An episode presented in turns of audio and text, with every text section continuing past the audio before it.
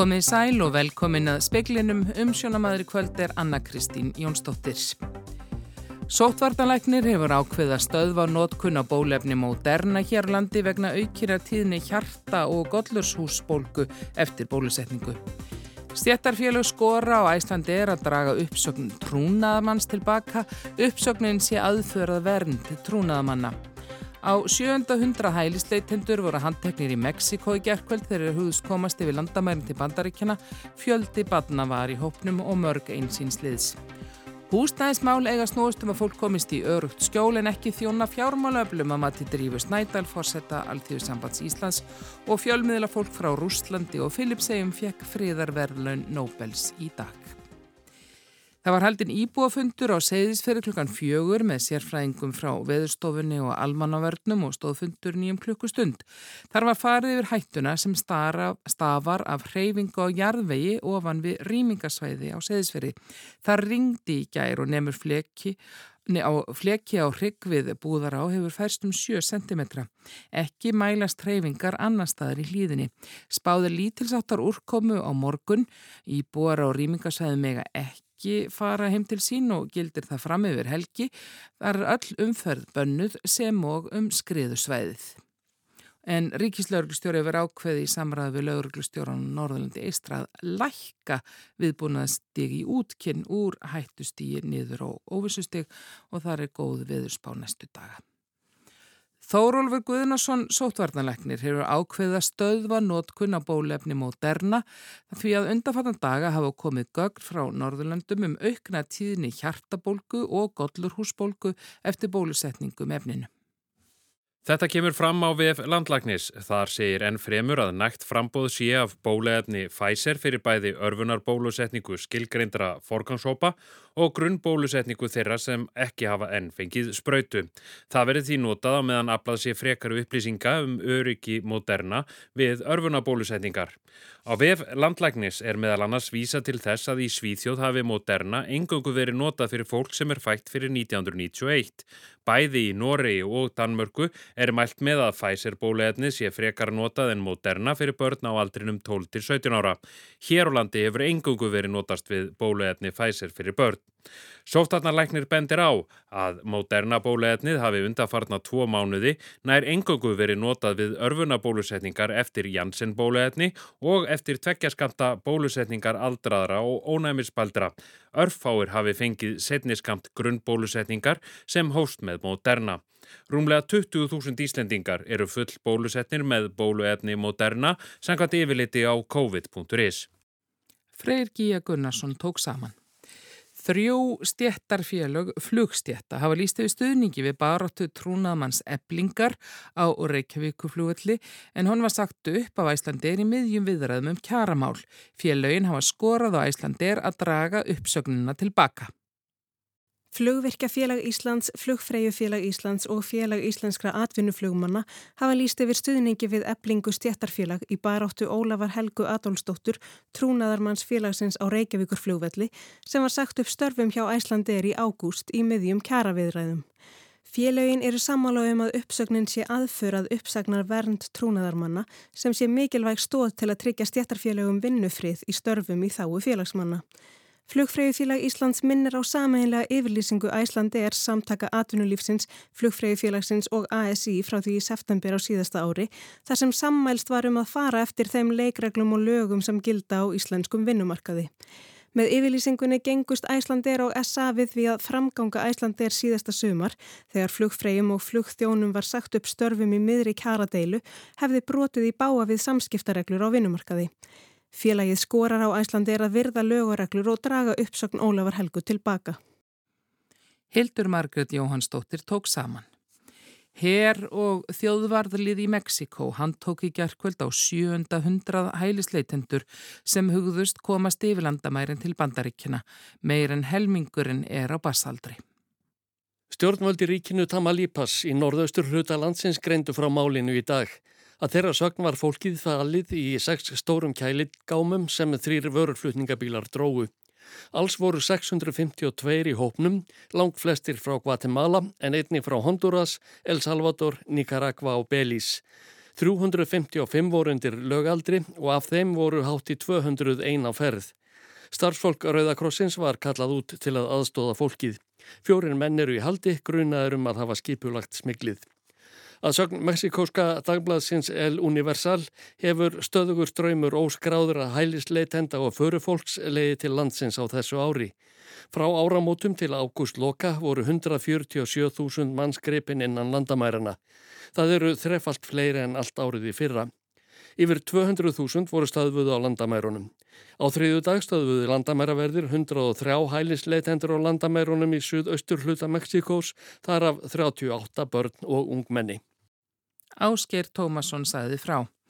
Innan skams verður í fyrsta skipti hægt að nálgast á einum stað upplýsingar um hversu mikið af íbúðarhúsnaði er verið að byggja hverju sinni. Forstjóri húsnaðis og mannverkjastofnuna segir þetta sé bilding sem muni koma jafnvægi á markaðin. Á fjármálarástöfnu Sveitarfélag í morgum kynnti Herman Jónasson, fórstjóri HMS, stafrannar húsnæðis áallanir sem opnar verða almenningi frá og með næstu áramótum. Þá munir liggja fyrir húsnæðis áallanir allra Sveitarfélag í landinu. Við lítum á þetta sem algjör á byltingu í áallanargerði húsnæðismálum. Það er skemmur á lengri tíma. Þetta hérna mun nýtast mjög vel sem stjórntæki til þess að takast á við þetta ójapvægin sem ríkt hefur á húsnæðismarkaði svo áratugum skiptir á Íslandi. Við höfum ekki haft yfir sínum hvað er verið að byggja og hvað er í pípónum. En núna með þessu tæki þá liggja fyrir áallinu sveitafélaga. Það liggur fyrir framvinda sérkvæmsverkefnis líka. Þarna munu öll sveitafélag landsins byrta áallinu sínar til að minnstakosti fjögur ára og sum til alltaf átta ára. Þannig það er að horfa svolítið í framtíðin og þá geta byggingaræðilar, lánastofnanir og aðrir aðilar og sveitafélag sem koma að þessu málflokki skipulagsið til lengri tíma og stöðla þannig að stöðuri frambóði húsnæðis. Síðar í þessu mánuði verður svo mannvirkjaskrá, gagnagrunnur um íslensk mannvirki sett á laginnar. Henn er alltaf að veita yfirsýn yfir öll mannvirki í landinu. Hægt verður að fletta upp byggingasögu hvers húsnæðis frá aðtilu til að mynda hvenna sótt varum byggingarleifi, hvaða útektir voru gerðar byggingatíma og af hverjum, svo eitthvað sem nefnt. Segir Herman að þessi tvö tæki verður þau mikilvægustu við stjórnhúsnæðismarkaðar og munum leið nýtast sem mikilvæg hagstjórnatæki. Magnús Geir Ejjólfsson tók saman og rætti við Herman Jónasson.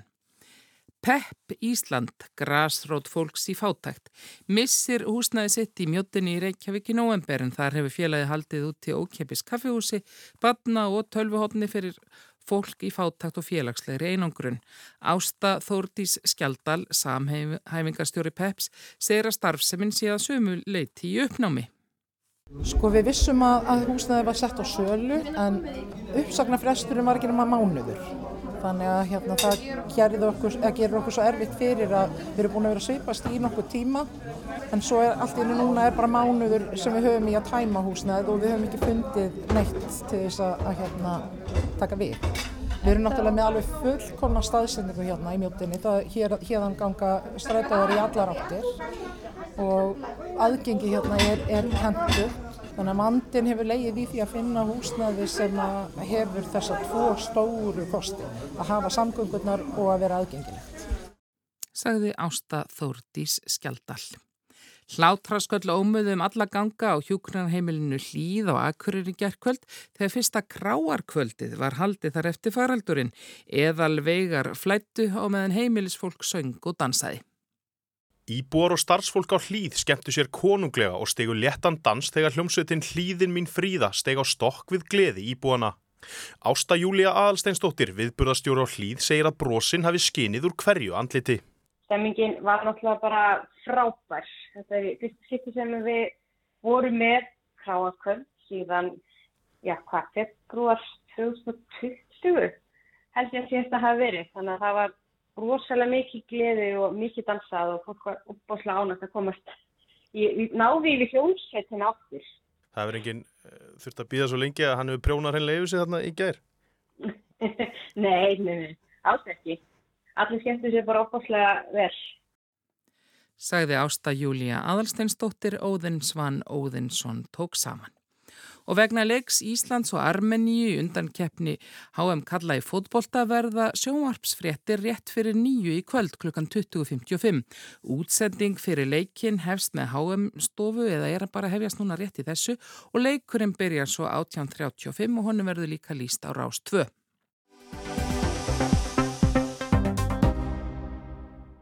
Húsnæðismálega snúast um að fólk komist í örugt skjól en ekki þjóna fjármálaöflunum að mati drífusnædal forsetta alltíðu sambands Íslands. Hún segir að verkalýsreifingin gerir kröfur á ríkið í húsnæðismálum hver sem staða samninga sé. Undarfarna mánuði hefur aðeins dreyið úr umsviðum á fastegnumarkaði samhliða minna frambóði. Í byrjun síðasta mánuðar vorum 1500 íbúður í sölu á landinu öllu en í mægi fyrra þegar þar voru hvað flestar voru 4000 íbúður auglistar. Verð á sérbíli hefur hækkað áfram meira en verð íbúða í fjölbíli að þið kom fram í síðustu mánuðalegu samantekt húsnæðis og mannverkjastofnunar. Þó að nú dræja aðeins úr hefur fastegnamarkaðun verið á flugi og svo mjög að Sælabankin hefur ítrekkað gripið til aðgerða árnu til að hæja þar á og í vikunni voru stýrivextir hækkaðir í þriðasinn í röð. Þenslan á fastegnumarkaðinum og vakstahækkanar eru drífu snædal áhugjefni.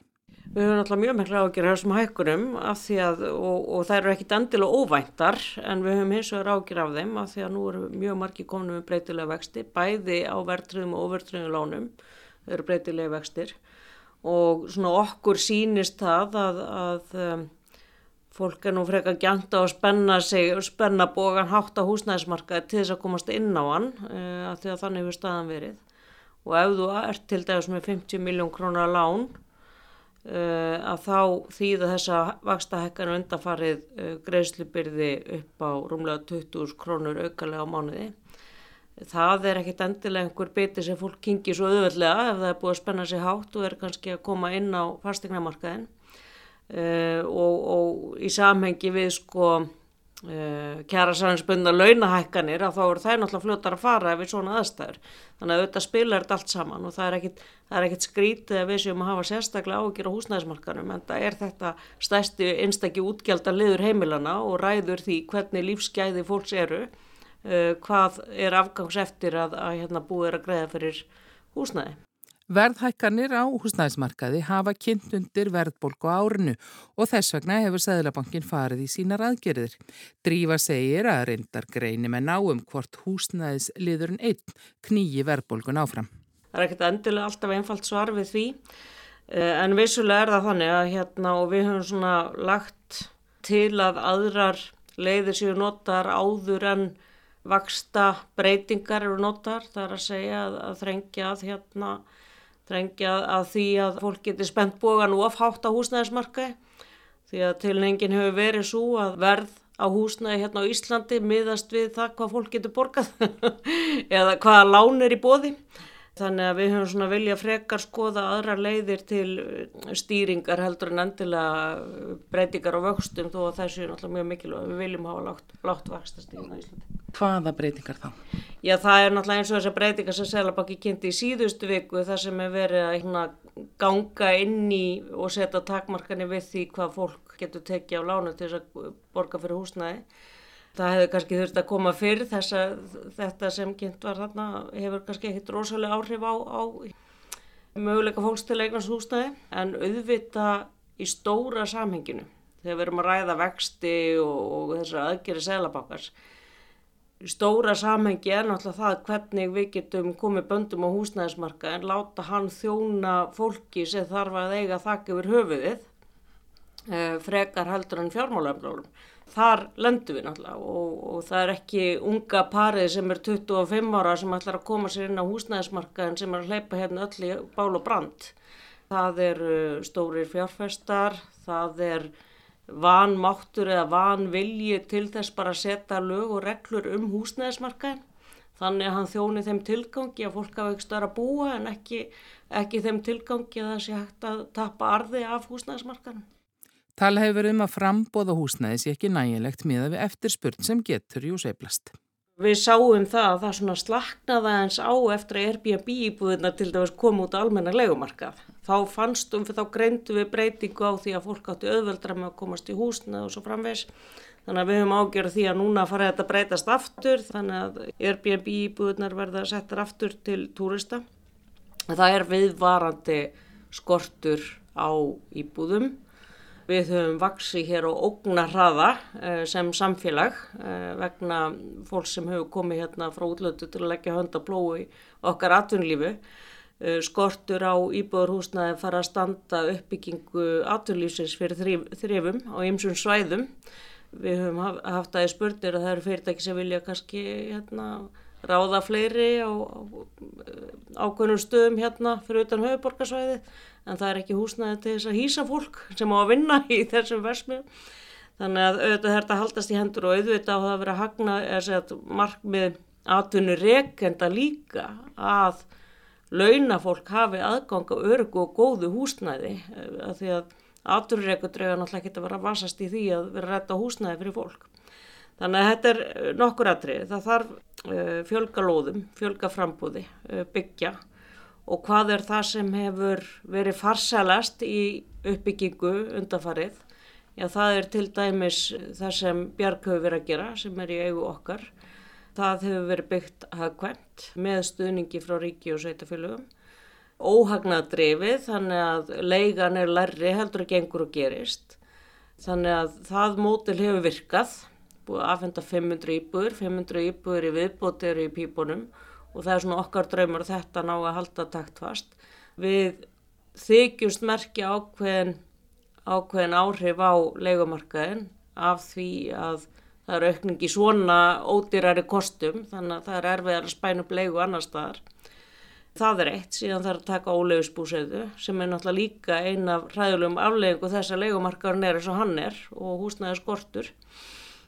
En fyrst og fremst sko að þá þarf fólk að hafa einhvern svona fyrirsjánleika. Nú erum við með kjara samlinga, fólk veit hvað það fær í laun, fólk veit hvernig það fær launahekkanir en svo er bara einhver svona útkjælda liður í heimilsbókaldinu sem er bara algjörlega ófyrirsjánlegur. Leigur geta hækkað bara eftir hendisemi, við erum ennþá að býja eftir lögum um, um hérna, að verja réttastöðu leigjanda. Vextir geta hækkað þannig að allt í hennu þingist greiðslubyrðir sem því nefnur. Þar getur við litið til vakstabóta kerfisinn sem var hérna einu sinni og var nú, nú nánast búið að slátra til þess að koma til móts við það. Þannig að Fólk er í þeirri stöðu, veit hvað það fær í laun en húsnæðisliðurinn sem er eitt stærsti útgjaldaliðurinn að hann er bara einhver staðar og einhver staðar og það er náttúrulega algjörlega óviðöndi. Og verkefælisreifingin gerir líka kröfu á ríkið. Það er kannski ágætt að segja það núna þegar stjórnamyndunum viðraður er í gangi. Við gerum kröfur á ríki hvort sem samningar eru lausir eða ekki um að húsnæðismál er eitt stærsta úrlausnara efni stjórnvalda hverju sinni. Við vorum með ákveðan lofórið í lífskjærasamningunum um húsnæðismál sem hafa ekki gengið eftir. Þannig að ég veit ekki hversu mikil stemning er að, að fara að hengja kjærasamninga á lofór sem verða kannski uppvilt og kannski ekki. Þannig að krafan stendur á stjórnvöld hvort það eru lausið kjærasamningar ekki. Eins og það má líka segja að uppbyggík á fjölaslegu húsnæði hefur hangið sama við kjærasamninga og þá bara er hægt að minnast á stofnum Bjargs og, og almenna íbúðakerfisins uppbyggík Breitholtz þegar það þurfti að vinda ofan að brakka hverjunum hérna á sínum tíma. Þannig að auðvitað hefur þetta verið bara stór þáttur í kjæramálu verkefælsefingarinn og húsnæðismann og þau verða það áfram. Saði Drífa Snædal, fórseti Alþjóðsambands Íslands.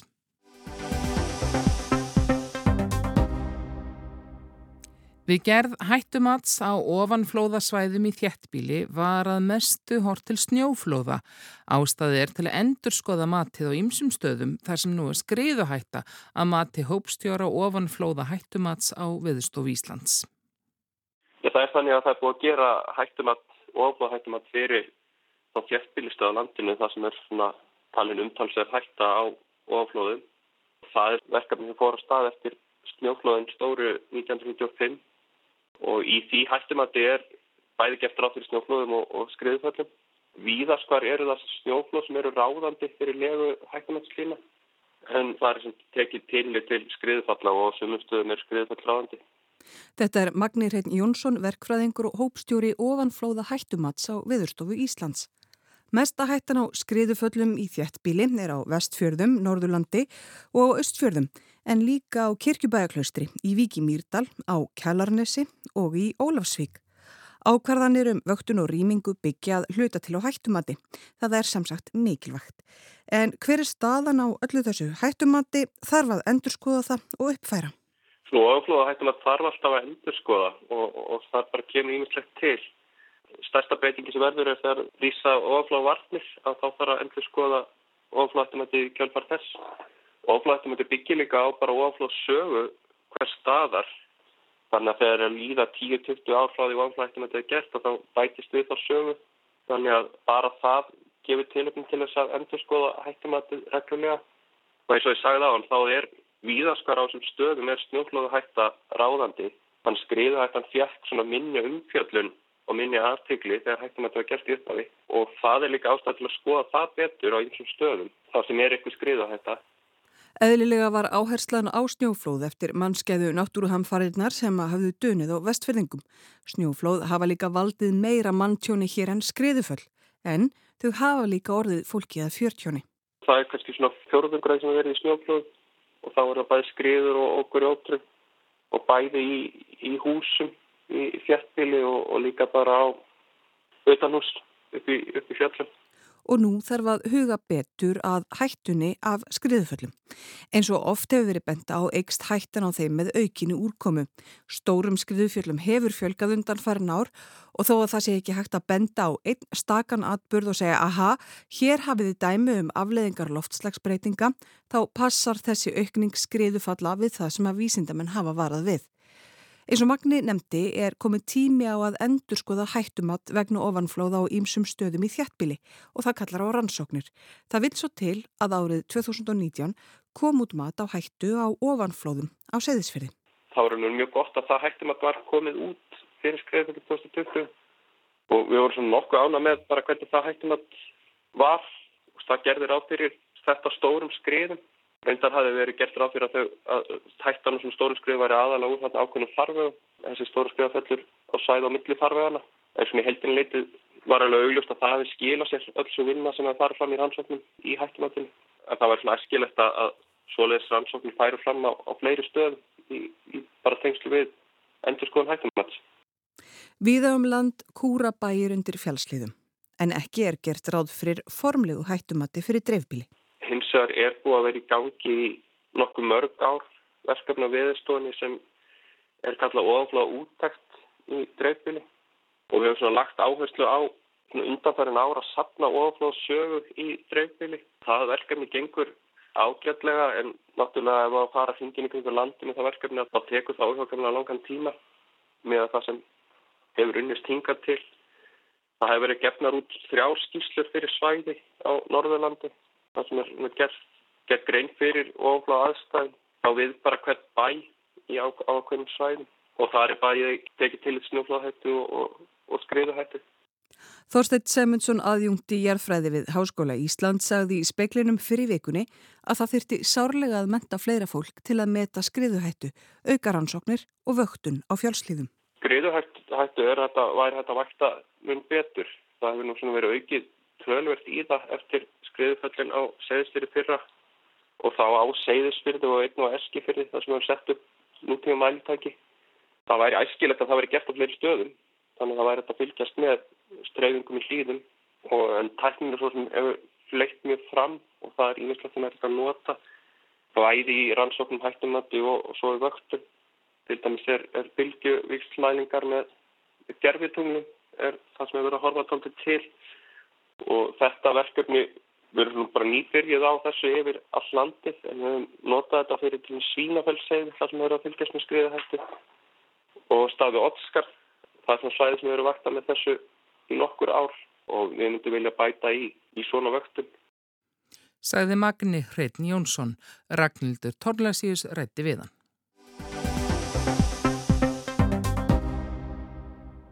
Friðarverðlun Nobels fallaði þessu sunni fjölmiðla fólki í skaut.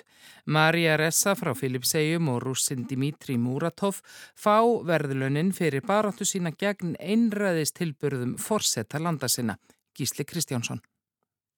Það var í sjómasviðtalið Marja Ressa sem Robert Duterte forseti Filipsegja flutti bóðskap sinn um að drepa ef þeir styrti með. And if I have to kill you, I will kill you personally. Do not fuck with me because I will. I must admit that I have killed. Months, uh... Hann vildi losnaði alla glæpamenn í landinu, ég ætla að drepa þig, ég ætla að drepa þig, ég sjálfur, ekkert fokk hérna, ég drep þig. Ég hlýta viðurkjörna, ég hef drepið, saði fórsetin og held áfram að lýsa því hvernig hann, þremur mánuðum áður, hefði drepið þrjár manneskjur. Og ekki var annað að heyra en að þetta gildi líka um fréttakonuna ef hún ætlaði að appast upp á fórsetan. Og hann hefur staði við það að láta drepa landsmenn sína ándóms og laga. Og þegar Maria Aresa, nú friðarvörluna hafi Nobel, spyr hvernig hann geti leift sér að drepa, svarar fórsetin. It's always uh, in every dictatorship. It's gonna be a dictatorship. It's the police and the military. Þetta er alltaf svona undir einræði stjórnum. Þetta er einræði. Þetta var fyrir fimm árum og síðan hefur fórseti Filipsega ekki híkaði að láta drepa og sendt her og lauruglu til að taka fólk af lífi án dóms og laga. Engin veit hver margir hafa látið lífið Frá því Duterte hóf baráttu sína gegn eiturlifja smikli í landinu. Þúsundir liggi í valnum og byssunum er einni bengt að gaggrinhendum fórsetans því hann er einræðisherra og eins og hann bendur á sjálfur svona gera einræðisherrar. Marja Reza hefur enda fjalla um lögleysur og spillingu í tíð fórsetans. Fórsetin hefur beitt réttarkerfinu gegn Marju, hann hefur látið ákærana fyrir skattsvík og hann hefur látið ákærana fyrir netlígar. Það gæti þýtt dóm upp á sex ára fangelsi. Fórsetin hefur þar snúið vörn í sókn því Marja hefur vakið aðtegla á hvernig yfirvöld beita fyrir sig félagsmiðlum einmitt til að breyða út netlegar. Falskar fréttir og samsæriskenningar á netinu vega að líðræðinu og eru eitt vopna einræðisherra. Fríðarvelunin snúa því líka að baráttunni fyrir að afhjúpa falskar fréttir. En svona gerast kaupin á eirinni í fjölmjöla heimi frílipsegja og víða um heim. Markmiði með veitingu fríðarveluna Nobels í ár er einmitt að vekja aðtikla á ógninni sem stedjar að frjálsum fjölmjölum og þar með líðræði og fríði í heiminum. Það eru rauk ásins fyrir að tengja saman fríðarvelun og fjölmiðla. Rúsneski rítstjórin Dimitri Muratov fær velunin líka vegna baráttu hans fyrir að halda upp í gaggríni á Vladimir Putin fórseta og áhrifa hans á fjölmiðla í landinu. Dimitri hefur sagt að verðlaunum séu raun til þeirra sex bladamann af rítstjórn Novaja Gazeta þar sem hann er rítstjóri og hafi verið myrtir við störf. Putin hefur endar sendt rítstjórnanum hamingi óskir með verðlaunin. Í Rúslandi þótti líklegt að stjórnaranstæðingunum Alexei Navalny fengi verðlaunin, reyndu hefur að ráða hann af dögum, hugsanlega undilagi stjórnvalda, en lífi Navalnys var bjargað en það eru upp í evasendur um að hugmyndina valnis séu raun líðræðislegar. Aðtikli vekur að þetta er ansi þriðja sinn í sögunni sem fríðarverlunin eru tengt fluttningi frétta. Árið 1911 fekk austuríkismadurinn Alfred Hermann Fríd verlunin fyrir að gefa tímaritt undir nafninu niður með vopnin. Það var einn tilrönd fríðarsinna til að koma í veg fyrir heimstyrjöld og mistóst. Svo fekk þíski bladamæðurinn Karl von Oksjetski velunin árið 1936 fyrir að fjallum herrvæðingu Þískalands undir stjórn Adolfs Hitlers. Hann satt þá í fangelsi og fekk ekki taka við verlaununum og dó skömmu síðar í fangelsinu. Þessi veiting fríðarverlaunana í óþökk Adolfs Hitlers vakti hörðu viðbröð í Noregi og var talin ómaklega afskipti af vinnaríkismálum Þískalands. Fjórum árun síðar herrnámu þjóðverjar Noreg. Núna eru örlög Otsietskis rifjuð upp, hann lifði það ekki af að gaggrína yfirvöld landsins og byrta gögn sem einræðisherran vildi halda leindum. Þá reyndust frelsi í fjölmiðlum, líðræði og fríður samtvinnuð. Og veðurhorfur eru þær að það verður norðaustan strekkingur á norðvesturlandi, annars hægari vindur. Víða skúrir en þurft á norðausturlandi þar til seint á morgun fremur myllt í veðri. Fleira er ekki í speklinum þessa vikuna, tæknimaður í útsendingu var Mark Eldredd verið í sæl.